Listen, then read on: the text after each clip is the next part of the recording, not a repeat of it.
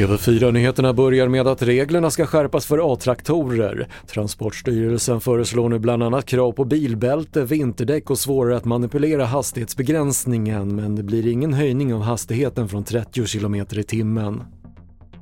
I Danmark är valet till Folketinget igång men med en mängd olika regeringsalternativ och osäkra väljare är det inte lätt att sia om utgången. Aldrig har vi haft så många partier. Aldrig har vi haft så många och stora förflyttningar mellan partier.